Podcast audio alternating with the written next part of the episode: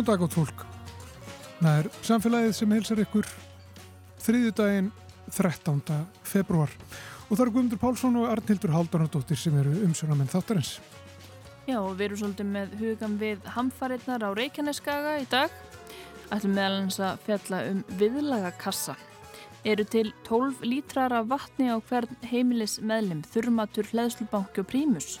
Hér á landi er lagt upp með að fólk geti bjarga sér í þrjá daga ef að neyðar ástand skapast og innviði bresta til dæmis vegna náttúru hamfara. Við ætlum að ræða þennan viðlagakassa við Gilva Þór Þorstensson, teimistjóra hjá Rauðakorsunum, ekki síst í ljósi yfirstandandi hamfara á Reykjaneskaðan. Trukkaveitan, hvað er nú það?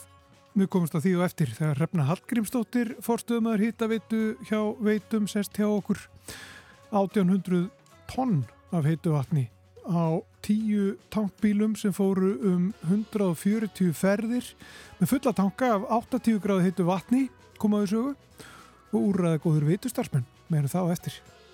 Og í dag er sprengidagur og eflust margir hlustendur sattir og sælir eftir háttegismattin. Við ætlum í tilefni dagsins að rifja upp viðtal frá árinu 2010. Það sem að rætt var við Árna Björnsson, þjóðháttafræðingum, sprengidag, saltkjött og bönir fyrir síðdeis útvarpið á Rás 2. Við fáum svo pistil frá Páli Líndal umhverju sálfræðingi í lok þáttar en við byrjum á viðlaga kassanum.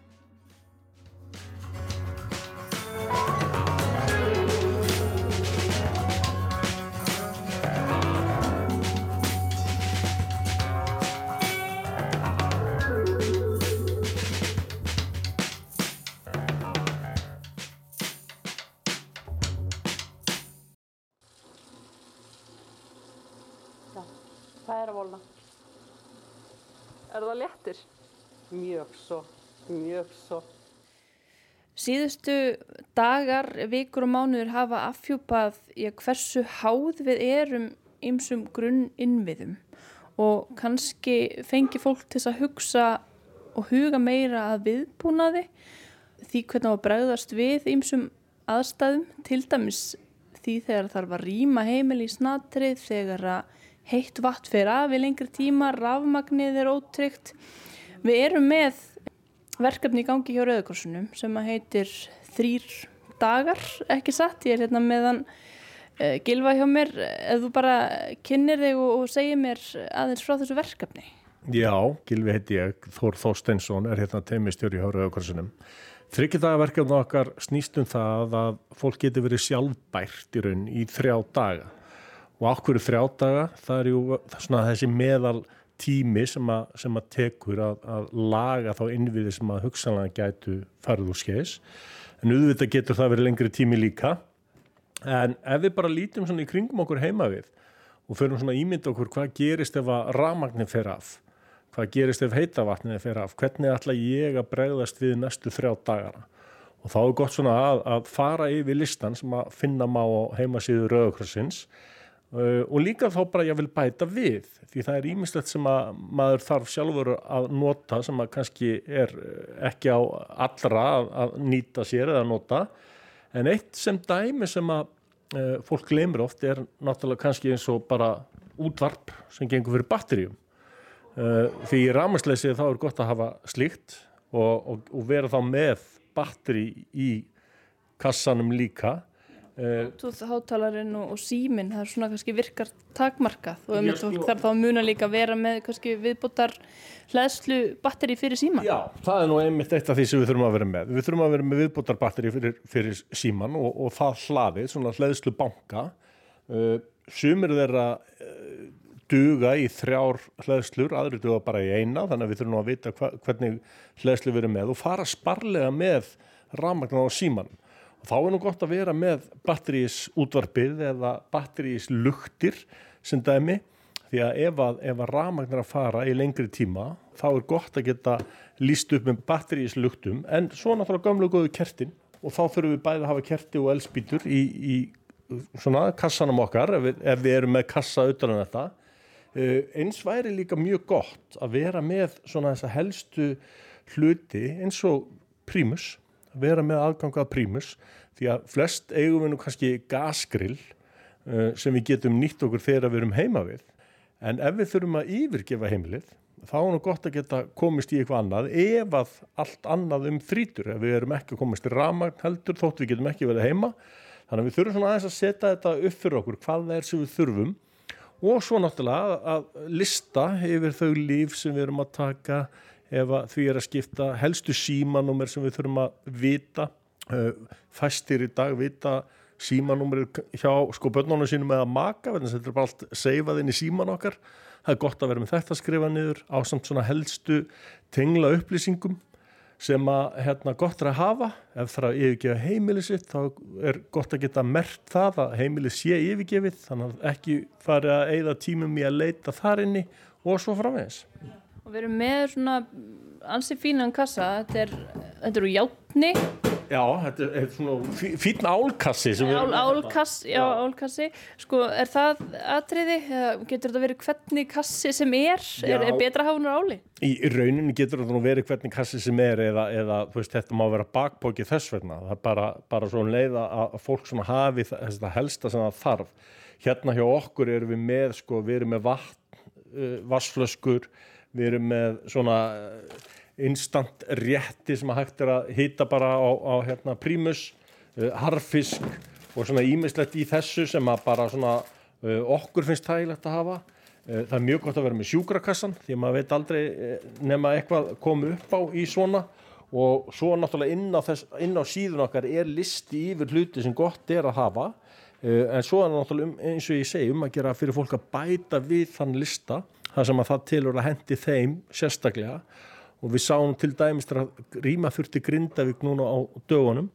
Vegna þessa hefur lauruglustjórun á Suðunisum í samráði almannavarnir tekið ákveðum að rýma Grindavíkubæ og almannavarnir hafa samhliða þessu lísti við neyðastígi. Ákvörðum þessi er tekið með öryggi íbúana í huga. Það þurfti að gerast í flíti og fólk fór út af heimilinu og skildi eftir kannski þær nöðsina sem annars taldi þessi þurfa. Uh, hugsalega var það líka það verðna að fólk held kannski að kemist bara heim setna um daginn, það var nú reyndar bara flý út á jarðskjöldum, áringin eldsumbrútt byrjuð þá, en þá erum við að tala um eins og tambusta sjampó, uh, snirtuvörur og annað sem að, sem að hérna, fólk vil gertan hafa. Og þá er það hlutur sem þú getur alltaf haft auka tannbusta og, og tannkrem í, í svona kassa Svo afhjúpaðast það svolítið sko í tengslum við Grindavík að fólk, eh, það voru líka ymsi persónleir munir, það voru myndir af fólki og kannski badnamyndir, það voru uh, brúðarkjólar, alls konar svona persónleir munir sem hafa þýðingu fyrir fólk. Ætti það að vera hluta viðbúnaði heimilisins að vera með svona hluti á einhverjum ákveðnum stöðum eitthvað erðagós eða, eða er það kannski of langt gengið? Sko það er eh, kannski svolítið langt gengið og það er að fara að taka með þér allt saman í svona fyrsta viðbræði en það er gott að vera með lista yfir það hvað það er sem að þú myndir vilja taka með þér ef þú þyrtir að rýma heimilitt einhverjum dögum síðar. Eins og við erum að sjá til þess með grindvikingana þegar höfðu stuttan tíma til þess að fara heim, kannski einhverja 2-3 tíma þá er gott að vera með listan, niðurskrifaðan, hvað það er sem þú ætlar að gera og taka með þér og þú mannst það ekkit í, þegar þú ert í burtu af heimilinu. Þá er gott að ganga um heimilið, punta hjá sér, já, þetta, þetta myndi ég vilja taka, tengda mamma gaf mér þetta, ég vil að það fari og svo framvegs. Nú hafa eh, þessir atbyrðir undarfarnar vikur og mánuði kannski kent okkur ímislegt það er náttúrulega eitt að gera svona hugsana til raun að hugsa ok, hvað myndi ég gera ef ég væri ekki með ramagn, væri ekki með vatn væri ekki með aðganga internetinu og svo framvegis. En það er eitt um þetta að hugsa og veltaði fyrir sér hvernig veruleikin væri og annað að lenda í svona löguðu. Eh, höfum við lært eitthvað nýtt á þessu um svona hvað þarf að gera til þess að heimilið séu sem best viðbúin og hafið eitthvað pælt í að uppfæra listan ykkar? Við náttúrulega lærum alltaf eitthvað nýtt við alla svona aðbörði og eitt af því sem við munum gera núna þegar umhægist er einmitt að setjast yfir það og, og, og endur nýja okkar lista og, og hugsalega endur skoða okkar verklega ef þarf. Eh, það er eins og segir eitt að undirbúa eitthvað eh, sem að hugsanlega gerist en svo er það kannski allt annað þegar eitthvað annað gerist síðan og þú fart að breyðast við og það er það sem við gerum, við skoðum það alltaf gömgefilega hvort eitthvað hefði mátt gera betur. Eh, þessir atbyrju sem núna eru að eiga sér stað, eh, tvímálulust munum við, við skoða það allt saman.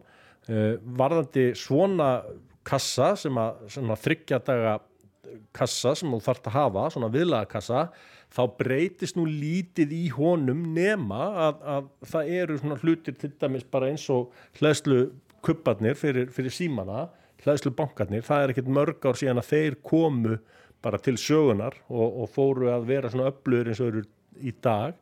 Uh, þú getur keft núna litla rafstöðvar sem að sumir hafa verið að kaupa sér sem að geta verið að kosta allt frá 50.000 og upp úr.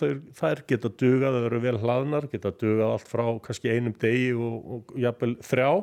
Eh, þannig að það er ímislegt svona sem fólk getur hugað að, það fel ekki eftir hvar þú býrð fólk sem að býr mjög afskekt þarf kannski að hafa meira í sínum kassa heldur en þeir sem að búa kannski nær svona höfuborginni eða, eða, eða einhverjum uh, stærri byggðarkjörnum en svo er það bara það að það er náttúrulega alltaf gott að vera undir bara allt búin sem að getur gerst og þá, þá er gott að hafa þetta bladi. Þú ert með svona gott ráð fyrir þau sem kannski vilja stýtta sér leið? Já, það er margir sem að fara í útilegur kannski á sumrin eða jáfnvel í vettunar þeir eru kannski með vísi að svona kassa bara í geimslinni. Það er útilegu dótið. Það er margt sem að, sem að gæti nýst. Uh, það til dæmis ekkert fjallað um hýtagjafa í þessum leiðbenningum. Til dæmis að vera með óljuopn. Nú hafa óljuopnadir og hýtablásarnir verið mikið í deglunni, mjög vinsalir. Er tilefni til þess að mæla með því til dæmis? Það má alveg skoða það og auðvitað þarf náttúrulega fólk bara að velta þessu fyrir sér. Uh, með gasi náttúrulega er eitthvað sem þú þarf náttúrulega að fara varlega með þannig að hvert nú fólk að kynna sér leiðbynningar um það ef það ekki þekkir meðferð á gasi en það eru til já gasopnar sem fólk er að nota í fortjöld og annað sem eru mjög öflýr uh, svo er það bara þannig að ég var nú að tala við einna af Reykjanesinu sem að sem að hafði bæði lendi í, í sko rammarsleysi og, og, hérna, og þá var orðið kallt hjá hann en fyrir utan var hjólísaðans og hann áttaði sig ekki á því hann gæti farið þangað og, og þar, var, þar var hlýtt þannig að hann gæti kveikt það þannig að það var enn ramagn á rafgjumunum þar Miklu minna rými til þess að kynnta Já, miklu minna rými til þess að kynnta og, og en þegar ég bent honum á þetta þá náttúrulega áttaði hans á því að þetta gatan og það er nefnilega það sem gerist. Fólk svona áttar svo ofta ekki á kannski því sem að stendum að næst þegar þú ert í miðjum atbyrðum þess vegna er svo gott að punta hjá sér það sem að gæti mögulega gerst og reyna að svara því hvernig þú ættir að bregðast við. Svo þurfa heimilin kannski að vera með einhverjar áætlanir þar að taka með því til dæmis er ég á eldsneitisbíl eða er ég á rámagsbíl þarf að vera einhver, einhver ráttæki sumur til dæmis með súrefnisvilar eða einhvern svona sérhæðan lækningabúna sem þarf rámagn alls konar svona atrið sem þarf að huga eru ung börn á heimilinu Akkurat, þetta er akkurat það sem hver og einn þarf að átta sá fyrir sig. Helduru að við séum nógu vel undirbúin svona almennt, heldur að þessi kassi eða eitthvað svona ígildi hans fyrir finnist að flestum heimilum með þetta sem þið talið um sko alltaf fjóra lítra á dag fyrir hvern heimilismann, það gera bara fyrir mig til að vera tilbúin í, í þryggjadaga eh, hérna úttaldið 12 lítra, heldur að fólk sé með þetta einhver staðar? Nei, það held ég ekki. Ég er allavega mjög fáir. Eh, hins vegar er það náttúrulega þannig að þóttu sért ekki með þetta allt. Þá, þá því meira þú ert með, þeim mun betra fyrir þig. Eh, og eins og ég segi, sérstaklega að þú býrð afskekt, þar sem þú, þar sem þú virkilega þart að, að standa undir sjálfum þér ef, ef við getum komist að, þannig að orði.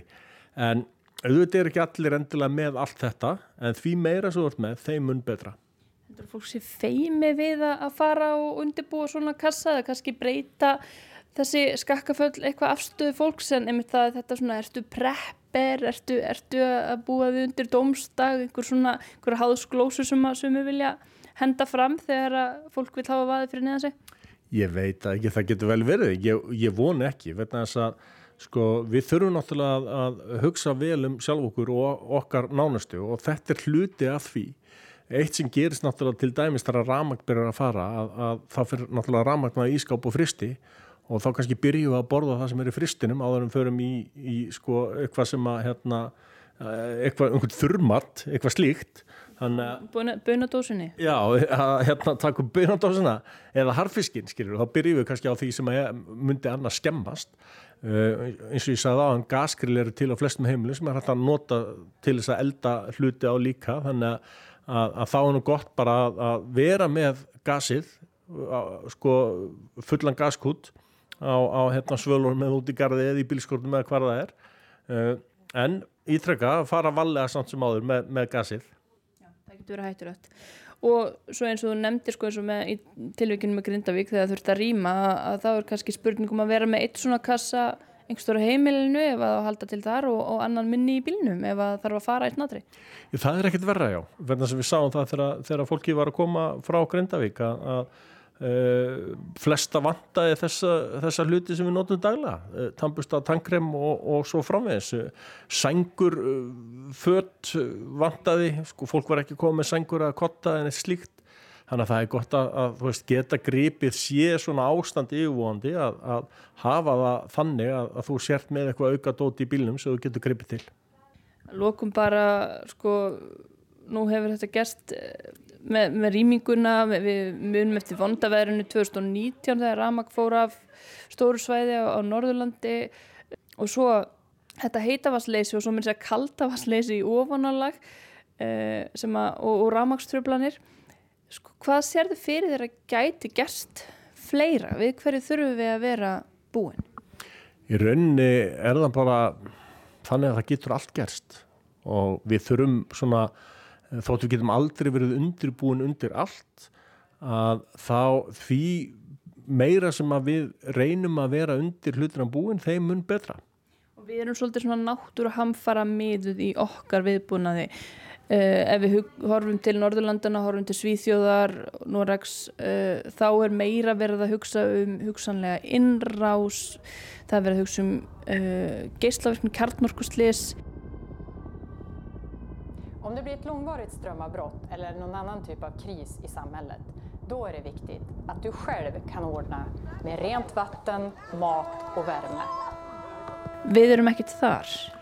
Við erum minna þar en margt náttúrulega í svona kassa það náttúrulega snýra því að þú þurfir að yfirgefa heimilið það sé ramaslaust, það sé vasslaust þannig að það er ímislegt hérna sem á samleið með, með eh, stríðisvá eh, ónættanlega en það er náttúrulega bara mismöndi hvernig lönd liggja Eh, hjá okkur er það náttúruváin sem, að, sem að er stærri faktor í þessu heldur en stríð sem betur fer kannski Þetta er kannski bara já, þörf, svolítið harkaleg en þörf áminningum í raun hvað við höfum það gott og hversu mikið við reyðum okkur á þessa innviði, hvað það kólnar fljótt í húsunum þegar það fimpul kuldi úti og hvað við erum háðis öllu. Já, ég meina hver kannast ekki við það að slæra út rafmagni heimaður og að það fyrsta sem hann dettur oft í hugur er að fara að laga kaffi, en það er ekki hægt. Takk fyrir að ræða við mig um viðlega kassan, Gilvi Þór. Sjálfsagt.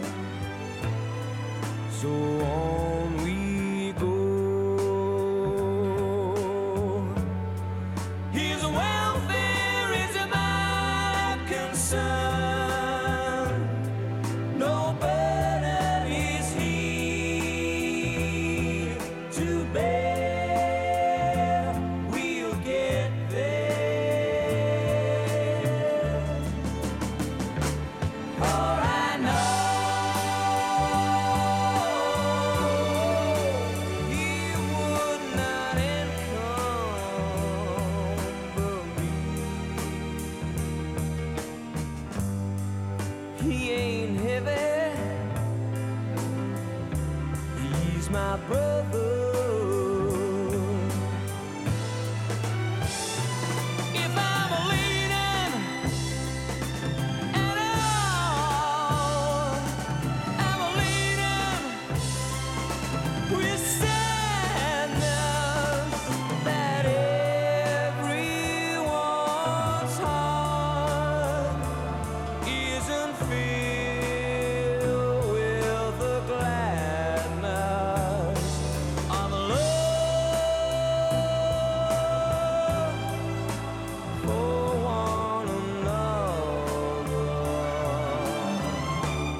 It's a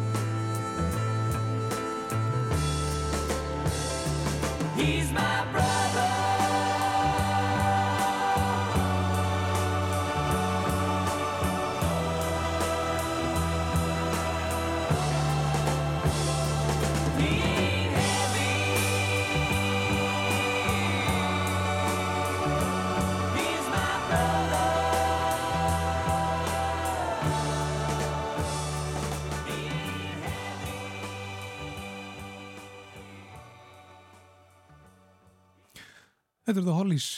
He ain't heavy, he's my brother. Þá er semst hjá okkur Hrefna Hallgrímsdóttir, hún er forstöðumæður hýtaveitu hjá Veitum, verður velkomin til okkar. Okkur langaði að fórutnast aðeins um það sem að þið kallið trukkaveituna sem að e, er verkefni sem að fór í gang þegar að það var heitavarslust á Suðunisjum vegna, vegna náttúruhanfarana þar þetta var náttúrulega alvarlegt ástand sem að, sem að myndaðist á, á Suðunisjum þegar að, að heitavatnið fór eh, af svona stóru svæði. Og það, sem að svona margir búa. Og uh, svo var líka náttúrulega ramagsmálin uh, voru uppnámi vegna þess að það er svo mikið álag sem kemur á, á rafkerfin þegar að, ramagsopnum er stungið í samband og svo framvegis. Og þá þurft að grípa til, til ímis að ráða og við höfum nú fylgst með því fréttum hvernig, hvernig það var unnið þarna sleitulust að því að, að koma heitu vatni aftur á og það gekk og unnin þregverki. Já, í rauninni einmitt. Það, hérna, ég þekki það, ég veit. Ég veit hvað, hvað afregur unnin og þetta er stórkostlegt á þessum einstaklingur sem að, að baki voru.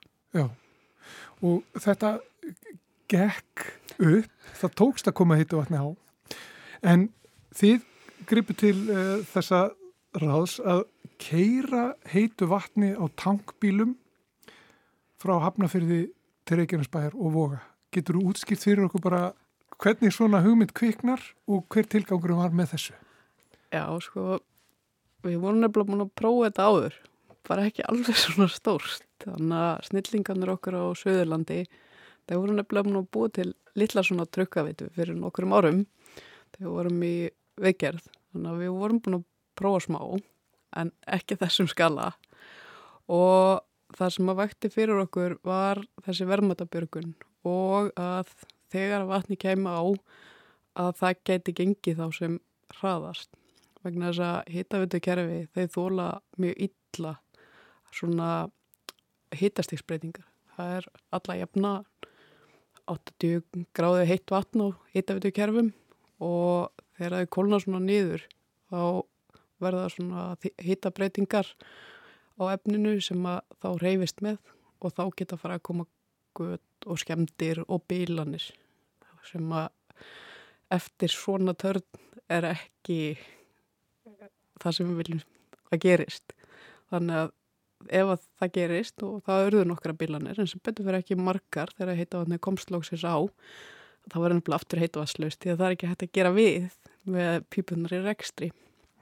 Þannig að hugmyndin var svo að koma í veg fyrir að öll þessi kólunum myndi eiga sér stað og setja heitt vatn inn á til að reyna að viðhalda eðlilegu ástandi dreifikerfisins.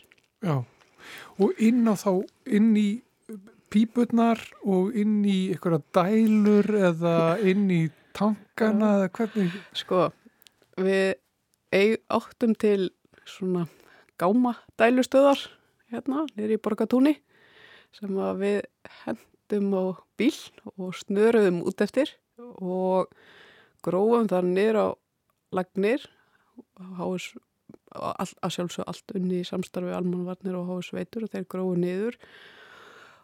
Og suðu svo bara eitt stykki loka á sem við tengdum svo dæluna við og dælan tengdist við trukkabílinn sem kom fullur að heitu vatni. og vatninu dælt inn á stoflununa.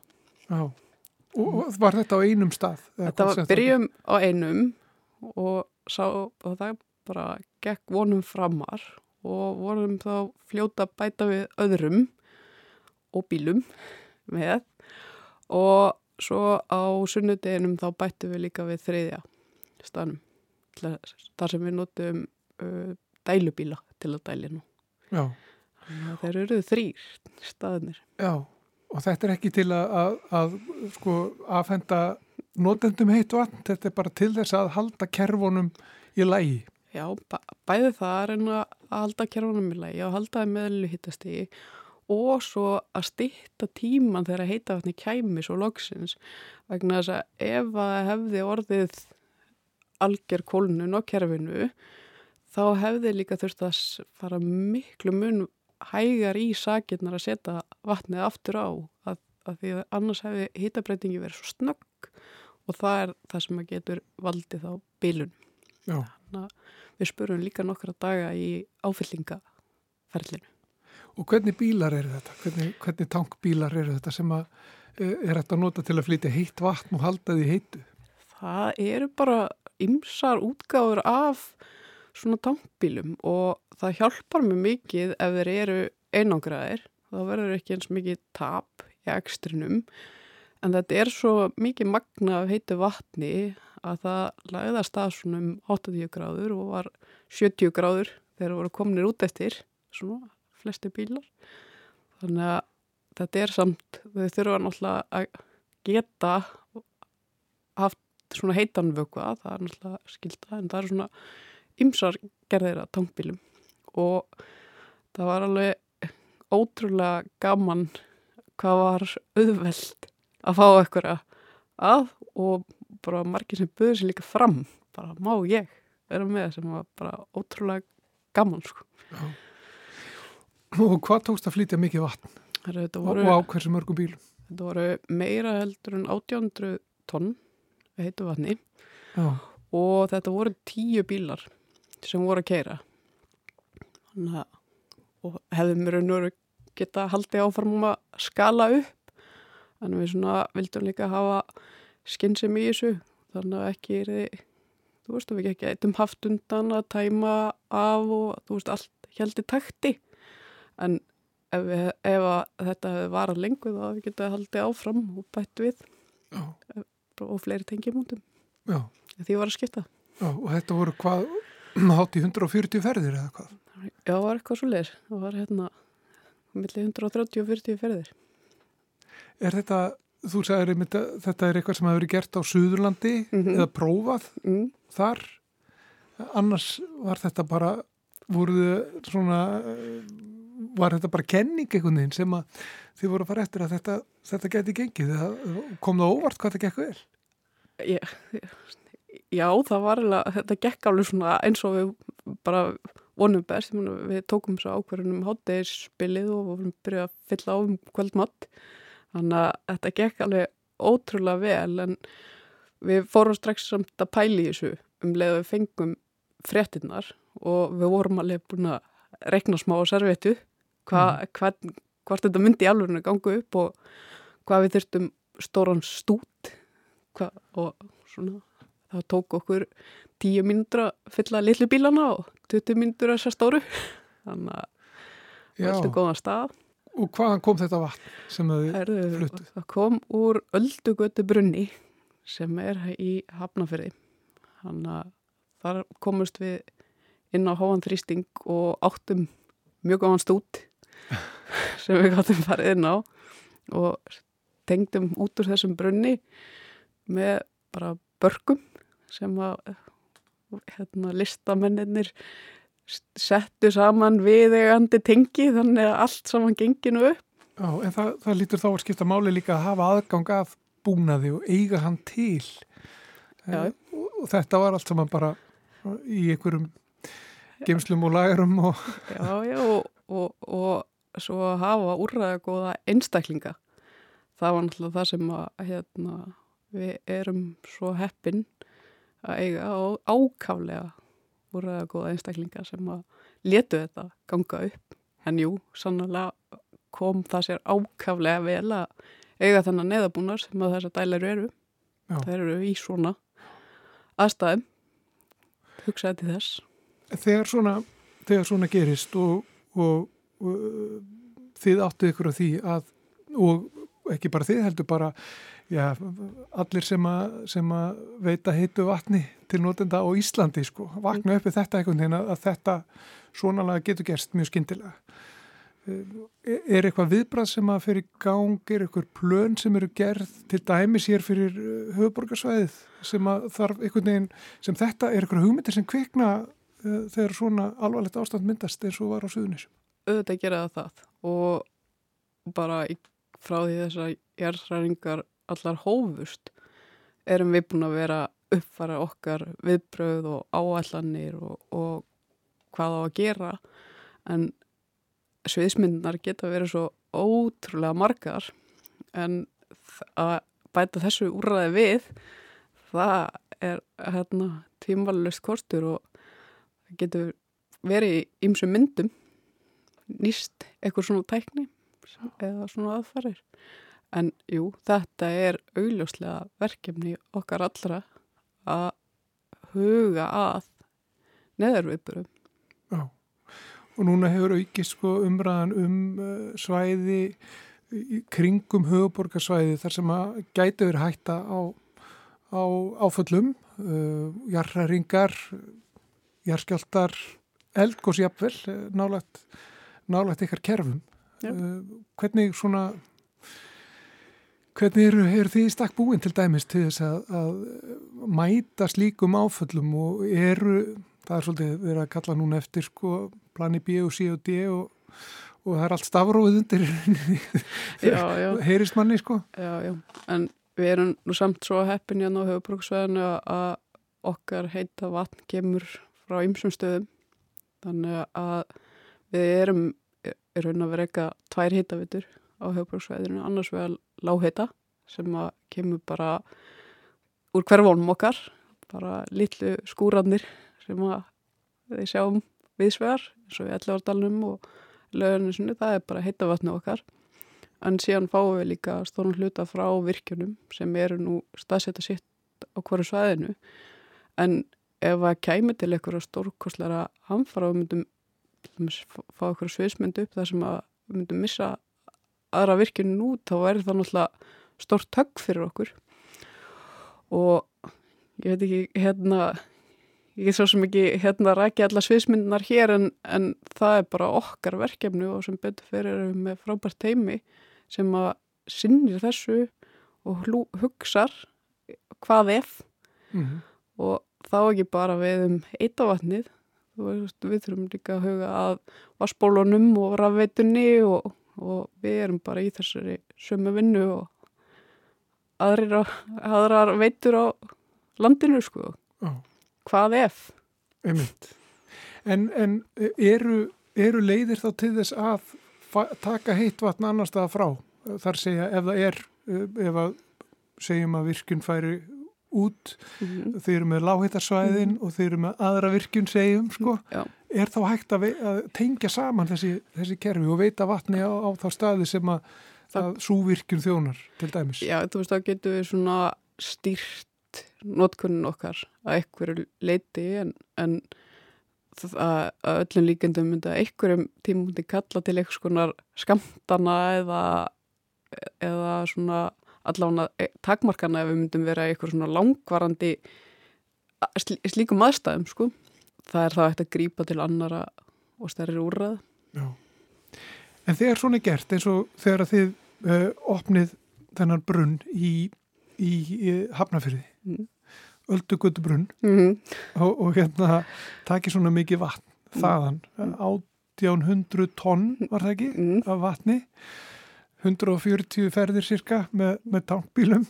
Hefur þetta ekki áhrif á, á afhendingu og heitu vatni þá í Hafnafyrði eða á þeim svæðum sem að, að súlögn þjónar?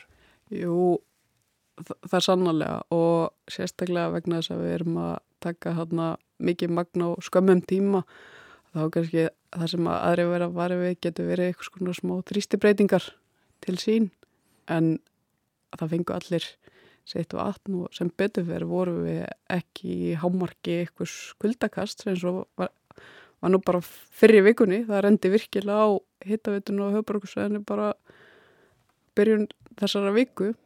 En sem betur fyrir voru við komin inn í aðeins mildara við fyrir þannig að við reyðum betur við þetta.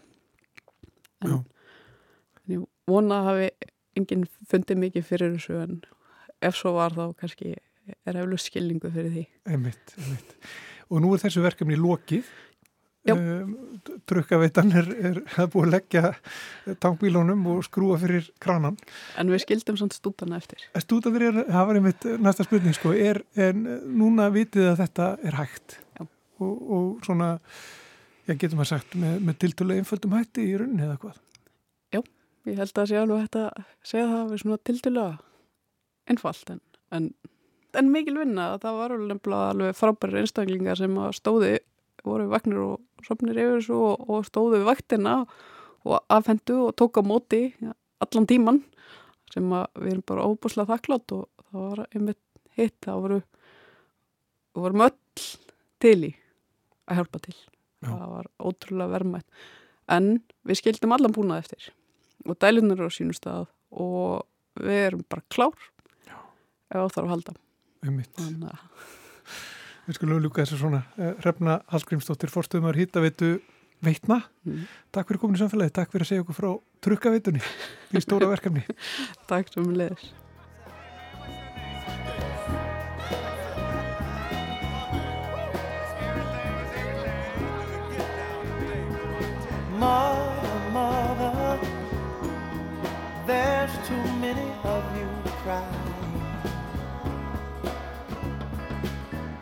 Brother, brother, there's far too many of you dying. You know we've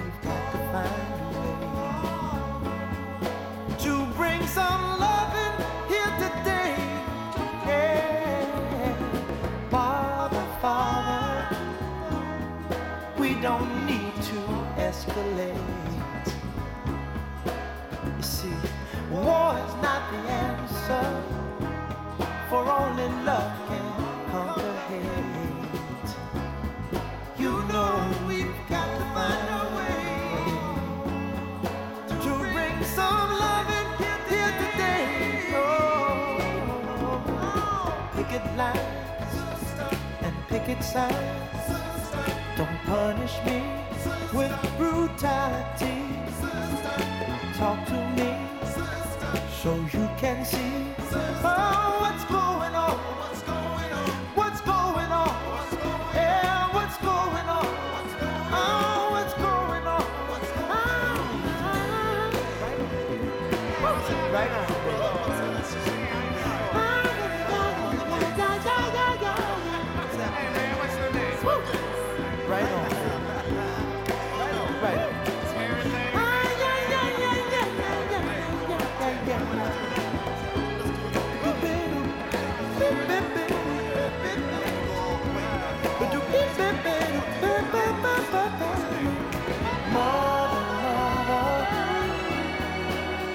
everybody thinks we're wrong.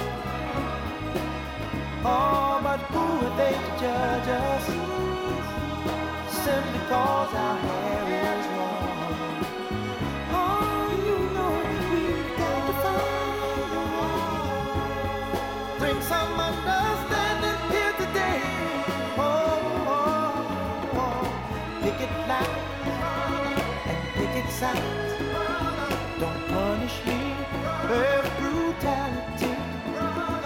Talk to me. You can't see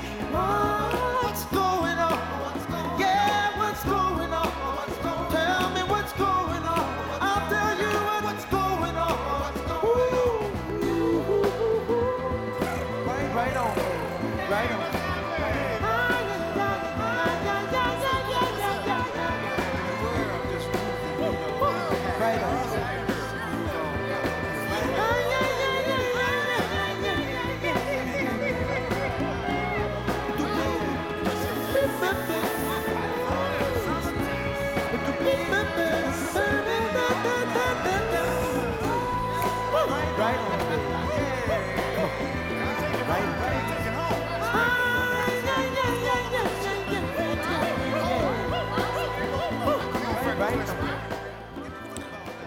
Marvin Gaye. Þarna. Og lagið What's Going On.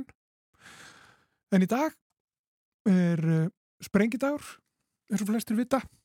Og uh, margir hlustendur hafa vafa lítið gett sér á salkjötu og bönum í hátteginu og kannski líka bönirnar í bleiti hjá öðrum við ætlum næst að rifja upp viðtal sem Marja Sigrún Hilmarsdóttir fréttamaður tók fyrir sítiðis útvarpið á Rás 2 árið 2010 Hún hitti þá Átna Björnsson, þjóðháttafræðing og rætti við hann á Múlakaffi um sprengidag, salkjöld og bönir. Kjöthátti hefur þetta verið, alltaf. En eins og við þekkjum það, ég þú vonum með saltkjöti, það er ekki nema svona, já, saltkjöti kemur í stað fyrir hangikjöti á 19. öld. Já, bönirna, það er náttúrulega að koma líka um svipa leiti, sko, það hefur verið sko, eh, það flutti svo lítið af, af matvöru. Það er ekki fyrir að verðsfrafræssi kemur hérna á 19. öld sem að það fer að flytja saman eða fólk gæti valið um. Og bönir hafa ekki verið svona á almenningsborðum fyrir á 19. öld. Þetta er eh, síðasti dagur fyrir upphaf langaföstu. Og hvað er langafasta? Það eru síðustu sjö vikurnar fyrir páska. Og hvað eru páskar? Og allra elst er þetta sögburðarháttíð. Og forfeyður gyðinga voru hyrðingjar og reikuð um í hjarðar sínar og þeir slátruðu bara kindum þegar þeir voru svangir. En sögburðurinn hann var um þetta leiti þarna sögur við miðrafraf og þá uh, vildu fóringjarnir ekki að, fólk, að menn væru að slátra kindum uh, sem voru orðna lampfullar fyrir sögburðin. Þannig að það var bannað að borða kjött og bannað að slátra fjö uh, síðustu vikurnar fyrir páska. Svo var páskalambið getið þegar, hérna, á páskunum þegar lömpin fóru að fæðast og þetta er upphaf langaföstu. Það er þessi, þetta bann, það til þess að slátra ekki lamputum án. Þetta er það elsta. Nú, svo löngu setna þegar að gýðingar voru til aðkjúriski þjóð, þá fyrir það að verða minningum um, flóttan frá Egyptalandi og svo eina enn setna fyrir það að verða minningum upplýsum Jésu Krist. Þá komum við nær okkur. E, hjá okkur þá verður e, langafastan yðrunatími. Það átti ekki að, menn að halda í sig við mat, þeir átti ekki að borða kjöt og ekki egg og þeir átti ekki að stunda kynlíf. Þetta var sem sagt, e, já, yðrunatími. Og e, þá, vegna þess aðna, þá slettum menn úr kraugunum síðustu dagana fyrir langaföstu Það er að segja þeir áttu eins mikið þeir gátu og elskuðust eins mikið þeir gátu. Og þess vegna það er, það er karnivalið. Og þetta uh, uh, suður í Európu þá var orðið fríkt, það var að koma vor og uh, þá dansaði fólk á, gödum úti og annars líkt. Hér var þetta ekki hægt, sko, hér voru engar borgir og þar var engar gödur og engin torf, þannig að þetta var bara að vera, vera að fara fram á hverjum sveitabæ fyrir sig. Þannig að menn borðuðu kjött. Það gáttu þeir sko og þeir gáttu elskast. En uh, þú spyrð kannski akkur í borðum við saltkjött. Já, það er nú saga að segja frá því. E, upphaflega þá borðum við ekki saltkjöt, þetta er hangikjöt. Það var blottar hún vegna þess að það flutti svo lítið á salti. Það var ekki til saltkjöt. Af því að kaupmyndin þeir flutti svo lítið af korni og salti og þá erum við náttúrulega að geima kjötið öðrum í sig og það var hangikjöt. Síðan eftir að verslunarfrelsi byrjar á 19. öld sko, þá fer að flytja salt og þá verður saltkjötið, það verður bara luxus, luxusmatur og þess vegna tókum við upp því að borða saltkjöt, það var tilbreyting í staðan fyrir hangkjöt á sprengidaginn. Það var líka eitt af því að borða ekki mikið kjöt, það var að borða í staðinn brauð og þá fórum menn bakarðir að búa til eh, sko, flott brauð, góðsætt brauð og það eru bollurnar. Og þær voru ekki til hér fyrir ná 19. öld, eh, fyrir að koma hinga bakara, áður voru ekki bakarar. En það að skul ekki vera karnivöl hér eins út í heimi skýrist kannski helst af veðurfari og öðru. Já, það er ná fyrst og fremst er það náttúrulega bara vegna þess að hér voru ekki borgir. Það, hér var ekki þéttbíli og það þarf þéttbíli til þess að geta dansað svona á göttum úti. Það, það er aðaláttaðan. E, og svo aftur þegar að fórum að verða til smá þorp eins og Reykjavík, þá, um, já, þá var uh, þessi hefð ekki til. E, þegar að menn veit ekki hvað eitthvað orð þýðir, þá fara menn að búa til skýringar og einfaldar skýringin er alltaf uh, svo að þá hafi menn alltaf að geta sig í spreng eða hafi getið sig í spreng á sprengidaginn. En það er sennilega annur skýring á þessu. Það er til í þýsku orðið sprengatag sem er næstu eins og sprengidagur. En það þýðir ekki þetta að geta sig í spreng. Sprengan þýðir það að dreifa uh, strá eða dreifa vigðu vatni yfir söfnuð. Og það var einmitt gert á þessum hátíðistögum. Þjóðverið voru mjög umsöðu miklu hér á 15. og 16. öld, áttum við að höfum með sér kirkju í Hafnarfyrði og það er lang líklegast að þetta orð sprengetag í merkingunum reyndar að dreifa vígðu vatni, það hafi borðið hinga með þeim. Svo hafa menn ekki skilið þetta, það er svo, svo sprengidagur, já hvað er það, það hlýtur að vera ég þetta sé spreng, en uh, þetta held ég þessi nú sennilegri skýring.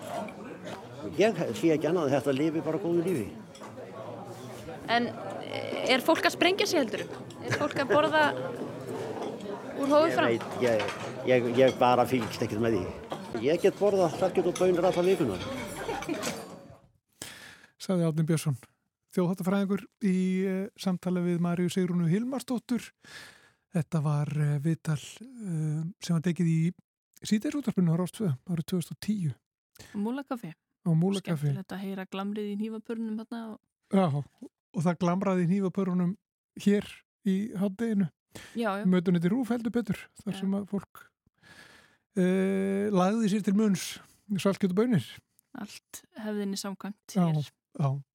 Og sakvæmt hefð, þá ætlum við næst að heyra pistil frá Páli Líndal, umhverfisálfræðingi.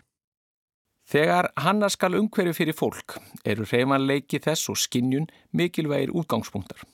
Því í þessum þáttum liggur líffræðilegur grunnur aðtefna, hegðunar og samskipta í rýminu.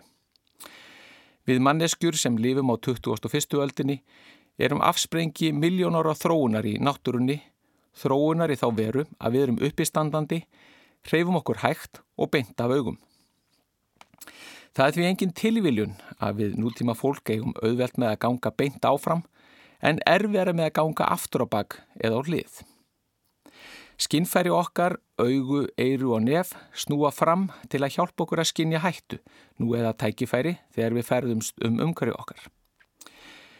Þegar við horfum beint fram, sjáum við skýrt og greinilega það sem blasir við okkur. Jaðar sjón okkar grýpur að einhverju marki það sem er til hliðana. Við sjáum sæmilega niður fyrir okkur, en mun verð það sem er fyrir ofan okkur. Við eigum auðvelt með að setja handleggi okkar fram og snert eitthvað, taka eitthvað eða banda einhverju frá okkur. En við eigum erfiðara með að rétta úr handleggjónum aftur fyrir okkur. Líka með okkar er einfallega ekki byggður með slíkt í huga.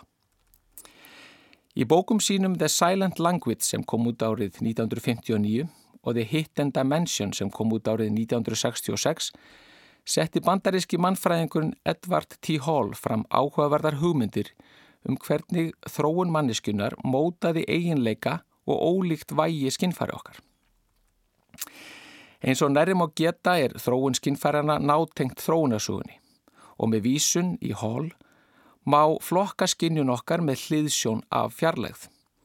þannig að snerting og bragð telst til nærskinjunar en sjón, heyrn og lykt til fjarskinjunar. Og þegar við eigum í samskiptum með fólk er þetta samspil skinjunar og fjarlæðar mjög áhugavert.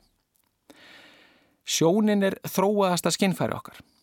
Í mikill fjarlægð verðum við fyrst vör við annað fólk þegar við sjáum móta fyrir skuggaveru. Byrta og afstaða ljós ákvarðar hversu mikil fjarlæðin milli okkar og skuggaverunar þarf að vera svo við samfærumst um að þar sé manneskja en ekki dýr eða runni. Hafa rannsóknir sínt að þessi fjarlæð getur spannað 3-500 metra allt eftir aðstæðum hverju sinni. Það er svo þegar fjarlæðin hefur náð 100 metrum að við tökum að greina útlínur reyfinga og líkamstjáningu þessaran mannveru. Þegar frekadregu saman tökum við að greina kín og aldur og í 50-70 metra fjarlæð förum við að bera kennsla á viðkomandi. 25 metra fjarlæð virðist svo mikilvægu þröskuldur því þá getum við tekið að greina andliðsvip og ríkjandi tilfinninga ástand. Hvort viðkomandi sé sætl og gladur, leiður, dabur eða reyður. Eftir því sem fjallæðin mingar verðar smáatriðin enn greinilegri og við tökum að horfa á efri líkamsluta viðkomandi, svo á andlit hans og loks á tiltekna hluta andlits. En það eru fleiri skinnferði en aug okkar sem geta numið þessa mannesku, því við getum nefnilega líka hirt í henni. Í 50-70 metra fjarlæð gætu við hirt hann að kalla á hjálp. Í 35 metra fjarlæð gætu við átt í samskiptum að því gefnu að aðeins annar aðilinn tali í einu og þá hárri röttu. Sambarlegt við það þegar ræðumadur eða leikari lætur gamin geisa. Það er ekki fyrir en í um 25 metra fjarlæð að hægt er að fara að skiptast á stuttum setningum en raunveruleg samtöl eiga sér ekki stað fyrir en fjarlæðin er komin niður fyrir 7 metra. Eftir það getur samtöli orðið nánara, ítallegra, skýrara, sé vilji til þess. Önnur skimfæri leika einnig sitt hlutverk. Sem dæmi getur við fundið lykt af svita eða ylvatni þegar að fjarlæðin er komið niður fyrir ákveðin mörg. Við getum skinnjað mismun í hita húðar sem er vísbending í samskiptum. Kinnróða, ástúlegt augnaráð eða bullandi reyði þegar nándin er orðin mikil, sem og líkamlegt atlæti og snertingu. Til einföldunar má taka þessar tilneyingar í tengslum fjarlæðar, skinnjunar og samskipta saman með þeim orðum að lítið gerist þegar að fjarlæðin er á bylinu 25 til 100 metrar. Innan 25 metrana fari smáatriðunum hins vegar fjölgandi stig af stígi og samskipti magnist hratt fyrir hvert þann metra sem fjarlæðin stittist. Innan 7 metra sé svo mögulegt að nota öll skinnfæri, bera kennsla á öll smáatrið og skiptast á áköfustu tilfinningum. Þegar rættir um tengst fjarlæðar, skinnjunar og samskipta í hinnu byggða umhverfi er gerðnan minnst á hið félagslega sjónsvið, en endimörk þess eru sögð 100 metrar, eða svo fjarlæð þegar við fyrst tökum að greina reyfingar og líkamstjáningu fólks. 25 metra þröskuldurinn er einni mikilvægur, því þar tökum við að greina andlistjáningu og tilfinningar. Það er því engin tilviljun að þessar tvær fjarlæðir gegna líki hlutverki í mörgum aðstæðum þar sem áhersla er á að fólk horfi á annað fólk. Leikvangar sem byggðir eru til íþróttaðiðkunar taka mið af 100 metra mörkunum. Egi áhörendur að geta fylst með bolta í leik, leikmönnum og reyfingum innan vallar má fjallaðin ekki vera lengri en 100 metrar frá miðpunkti vallar og er fyrirkomulag sæta þannig að aukin hæðera yfir keppnisvellinum fylgir aukin í fjarlæð frá vellinum. Svo öftustu sætaræðnar sitja hæst. Þessar fjarlæðir setja stærð leikvanga því tilteknar skorður og það er ekki talið vannlegt til árangus að selja miða í sæti utan þessara 100 metra fjarlæðamarka. Niðurstaðin er því svo að sætafjöldi á leikvangi geti mest verið 100.000 sæti. Engu að síður finnast þó lukkurittarar sem vilja storka þessum líffræðilegu takmörkunum. Til þess flokks teljast til dæmis þeir sem stóðað baki byggingu Narendra Modi leikvangsins í Ahme Abad í Gujarat héraði á Indlandi sem vigður var árið 2020 en mannvirkið telur 132.000 manns í sæti. Einnig má nefna Rungrat og First of May leikvangin í Pyongyang í Norður Kóreu sem vigðu var árið 1989. Þar eru sæti fyrir 114.000 manns. Þá er fjöldi sæta á Nývangi, heimavelli knaspunni félagsins Barcelona á Spáni um 100.000. En þrátt fyrir þessi frávik er megi regla svo að hinn líffræðilegu mörg eru virt. Þó víst megi telja að margt businessfólki dreym um stærri áhörndastúkur og enn meiri peninga. Það verður hins vegar ekki gert nefnir eitthvað annað komið til. Það verður þó að belgja upp viðburðina og aðtapninar inn á leikvellinum. Slíkt hefur að vissuleiti verið gert með því að koma fyrir stórum skjám á leikvengum en svo virðist sem slíkar aðgeri dugi þó aðeins upp að vissu marki þegar um íþróttaviðburði er að ræða. Annað virðið skilda um tónlistaviðburði og nú til dags er það algild regla að tónleikar sem haldnir eru á leikvöngum notist ekki bara við hljóðmögnun heldur einnig við stóra skjái sem gerir áhörundum í öftustu röðum kleift að fylgjast náið með og upplifa það sem fer fram á sviði staðsetu langt utan þeirra marka sem hér hafa verið til umræðu. Í leik- og óperuhúsum eru vítirnar minni og með vísan til þess sem rakið hefur verið hér að undan ættu þær að takmarkast við 25 metra, það er fjarlæðina sem gerir áhöröndum kleift að fylgjast með andliðstjáningu og verða fyrir tilfinningalögum áhrifum, heyra samtöl með góðu móti og njóta skýrs og nákvæms söngs. Hins vegar þegar að leik- og óperuhús viða um heim eru skoðuð, kemur í ljós að fjarlæðamörkin eru nær 35 metrum en 25. Ástæðu þessa má rekja til þess að flytjandur í slíkum húsum eru þjálfæri því að stækka og magna upp líkamstjáningu sína. Þeir búa yfir ratt og söngtækni sem berst vel um salarkinnin, auk þess sem förðun og búningar spila sína rullu í því að magna upp tiltekna þætti, hafa áhrif og koma tilteknum upplýsingum áleiðis til áhorfenda. Líkt og á stóru leikvangunum ræðist miðaverðið í leik- og óperhúsum af fjarlæð sætis frá sviði, sem og því hvar líklegast er að áhorfandin verði fyrir hvað mestum áhrifum. Sterkari áhrif kosta meiri peninga. Takk í dag. Á Páll Líndal sem uh, flutt okkur sinn pistil eins og svo oft hér á þriðutugum í samfélaginu. En lengra verður ekki komist í dag. Nei, við verðum aftur á dasgrá á morgun klukkan eitt.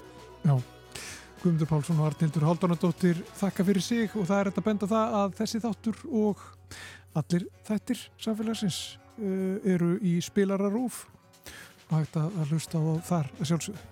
En takk í dag, heyrðu þú morgun. Verðið sæl.